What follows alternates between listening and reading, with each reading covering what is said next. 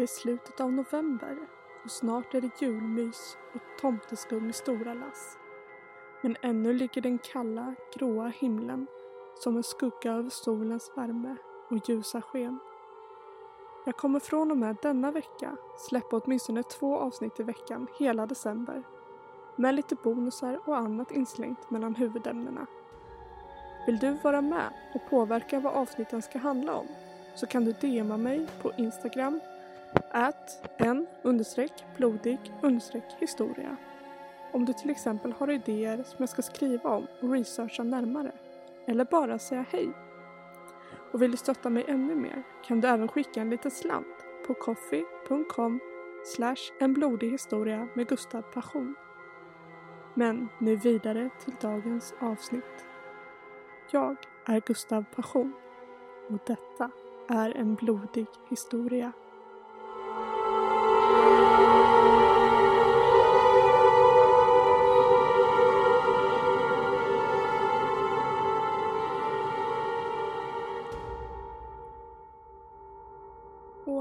1838 gav skräckförfattaren Edgar Allan Poe ut sin enda bok vid namn The Narrative of Arthur Gordon Pym av Nantucket.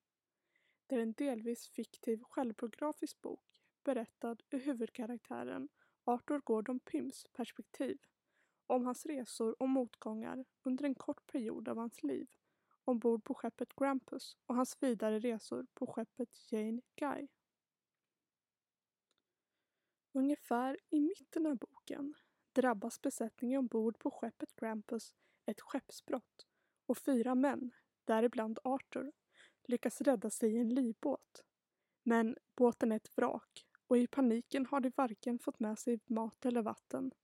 De fyra männen inser snart att för att de ska överleva krävs drastiska, inhumana metoder. Tre av männen bestämmer sig för att döda och äta en av dem och drar strån för att bestämma vem som ska offras för de andras överlevnad.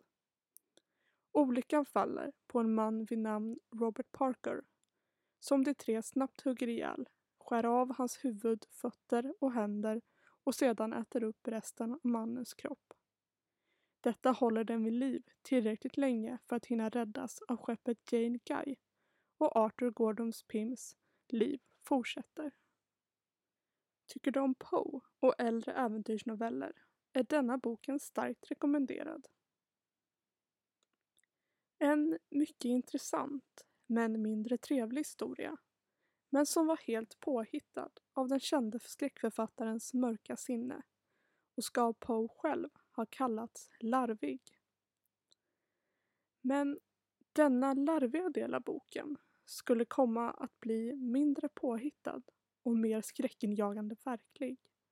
För 45 år efter att boken gavs ut, år 1884, lämnade en båt vid namn Mignonet, England, på väg mot Sydney.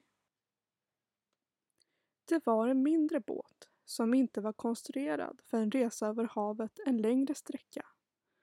Och i en storm kapsejsade båten och de fyra besättningsmedlemmarna lyckades precis fly i en livbåt innan den sjönk till havets botten.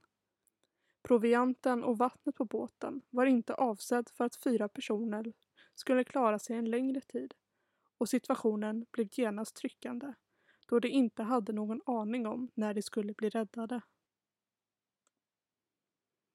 En av de fyra, en ung man som precis som i Poes bok hette Robert Parker, föll över bord och andades in en hel del sjövatten vilket ledde till att han snabbt blev sjuk och svag.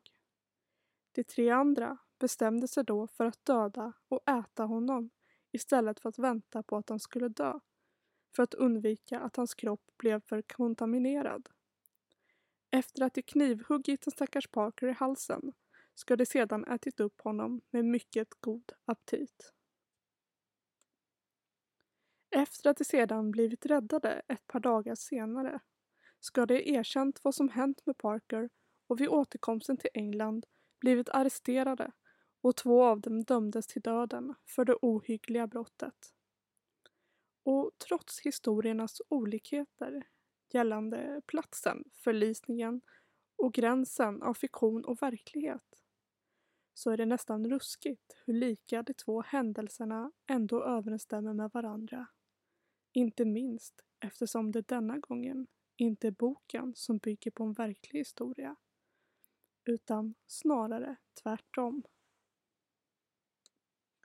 Frågor som ställts är om de fyra männen i den historien som verkligen hände hade läst Poes bok och insåg sammanträffandet och därifrån fick idén. Eller om Poe på något sätt ska ha kunnat förutspå framtiden. En förklaring skulle nog egentligen inte ge mer klarhet i denna händelse mer än att fråga de tre männen ombord på Mignonet varför de valde att äta upp sin kamrat. Han skulle visserligen dött i vilket fall, men detta var på slutet av 1800-talet då de flesta ansåg kannibalism, som idag, som ett av de värre brott en människa kan begå. Vilket också pålyser det redan kända faktum om att en människas överlevnadsinstinkt i en desperat situation trumfar nästintill allt.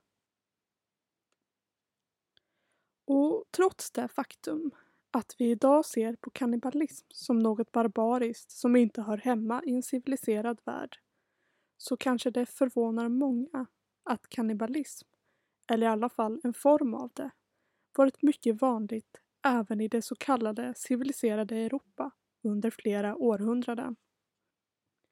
För i hundratals år konsumerade europeer regelbundet mänskligt kött och blod. Och trots att mängden och kroppsdelarna varierade under åren med ett nästintill kollektivt beslut av Europas stormakter under uppslutningen att förbjuda många av de förut vanliga förtäringarna av till exempel drickandet av blod, insmörjande av fett från lik och torkade kroppsdelar som antingen åts hela eller maldes ner till pulver. När upplysningstiden och de många nya upptäckterna om människokroppen och medicin i allmänhet började fördöma de gamla metoderna skulle det dröja ytterligare några hundra år innan all förtäring inom lagens ramar helt upphörde. Syftet med det som vi idag kan betraktas som ytterst motbjudande och barbariskt var det som människan i många generationer strävat efter att komma på, den ultimata hemligheten bakom, nämligen medicin och helande som inte bara skulle bota en sjuk person utan även förlänga och förbättra dens liv. Precis som jag tidigare nämnt är ett lik idag ofta förknippat med skräck, tragedi och till och med motbjudande. Men innan den moderna läkekonsten och alla de mediciner som idag finns för att bota sjukdomar och läka skador var det faktum att man dog inte förknippat med mer än att det var en naturlig del av livet som man ännu inte hade vetskapen om hur man kunde förhindra och förlänga. Till exempel så dog inte mindre än minst 500 000 människor bara i Sverige under det första riktiga utbrottet av digerdöden på 1300-talet, vilket idag är beräknat som ungefär två tredjedelar av hela Sveriges befolkning på den tiden. Vilket inte bara lämnade vårt land mycket tomt, men också bidrog till ekonomisk ostabilitet, med även stora konsekvenser för eftervärlden. Men detta gjorde också många mycket likgiltiga inför det faktum att de och deras nära och kära kunde dö vilken dag som helst. Och därför är det kanske inte så konstigt att konceptet med sympatisk magi och konsumtionen av människors likdelar letade sig in i både recept på medicin och i stärkande drycker. Sympatisk magi, också kallad härmande magi, ska ha fått sina första anhängare för över tiotusentals år sedan och är teorin som bygger på att om du har en leversjukdom så kan du äta en annan människas lever för att botas. Detsamma gällde även om du blödde. Då kunde du få en dryck gjord på blodpulver och en nermald skalles pulver togs mot huvudvärk. Och ju våldsammare döden ska ha varit på det lik som man använde för att tillverka dessa hemska produkter ska verkan på medicinen ha varit, som vid våldsamma olycksfall och mord. Detta berodde på att läkarna som använde sig av dessa metoder för att hela människor trodde att ett färskt lik fortfarande innehöll en del av människans själ och ju våldsammare döden varit, desto längre stannade själen kvar, vilket hade stor påverkan på den efterföljande medicinen. Och på 1500-talet och framåt, när gravar och gravkammare i Egypten började grävas ut, kom det också nya eftertraktade mediciner ut på marknaden. Pulver som gjorts på mumier.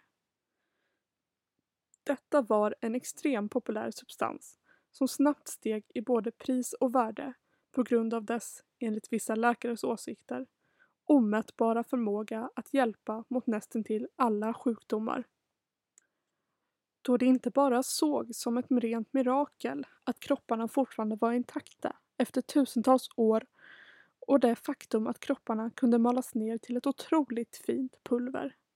Men också för att det pulver som skapades, också kallat mumia, faktiskt hjälpte som smärtstillande. Troligtvis på grund av de starka oljor som mumiens kropp behandlas med innan de stängdes in i sarkofagerna. På grund av den stora efterfrågan efter detta speciella mumiapulver, speciellt ifrån Europas elit, började också mycket falska mumiepulver komma in på marknaden. Oftast gjort på kriminella och fattiga som dött, smorts in och sedan stängts in i några år för att sedan malas ner och säljas av bluffmakare. Allt detta höll på under stora delar av renässansen, upplysningen och i vissa länder ända in på 1800-talet. Det var inte förrän artiklar om kannibaler började dyka upp i mitten och slutet av 1700-talet i vilka upptäcktsresande grupper och män stött på riktiga kannibaler i de mer ociviliserade delar av världen. Dessa människor kallades för barbarer när de åt av oftast sina nyligen avlidna släktingar och vänner. Ironin och dubbelmoralen är lätt för oss att se idag. Då det européerna gjorde inte var särskilt annorlunda från när de köpte fett från en nyligen avliden människa för att gnida in på sina sår eller koka sylt på blodet på någon stackars fattig man som sedan användes som uppiggningsmedel. Fram till mitten av 1800-talet kunde man fortfarande hitta skallpulver, blodpulver och mänskligt fett till salu hos sin närmaste apotekare. Men detta argumenterade man var annorlunda, då de mänskliga produkterna man använde kom från fattiga och kriminella och inte någon som personligen var viktig för en. Men speciellt efter nya genombrott inom läkarkonsten som kom olika snabbt till olika länder så började dessa konkokter och pulver så småningom fasas ut ur den allmänna medicinhandeln och ut ur européernas minnen. För något så barbariskt och enfaldigt som kannibalism kunde ju inte existera i ett civiliserat och framstående samhälle. Eller hur? Detta var en blodig historia med mig, Gustav, Passion. Tack för att ni lyssnat på detta morbida avsnitt av en blodig historia med mig, Gustav Passion. Det är jag som har skrivit och producerat detta avsnitt. Intro och automusiken kommer från purpleplanet.com. Denna podd finns att lyssna på där podcast finns, som iTunes, Acast, Spotify, Soundcloud, Youtube och många fler. På torsdag släpps nästa avsnitt för denna vecka. Missa inte det. Vill du ha fler och kanske längre avsnitt kan man stötta mig på den förutnämnda länken eller genom Swish. LOL. Jag önskar er alla en trevlig dag.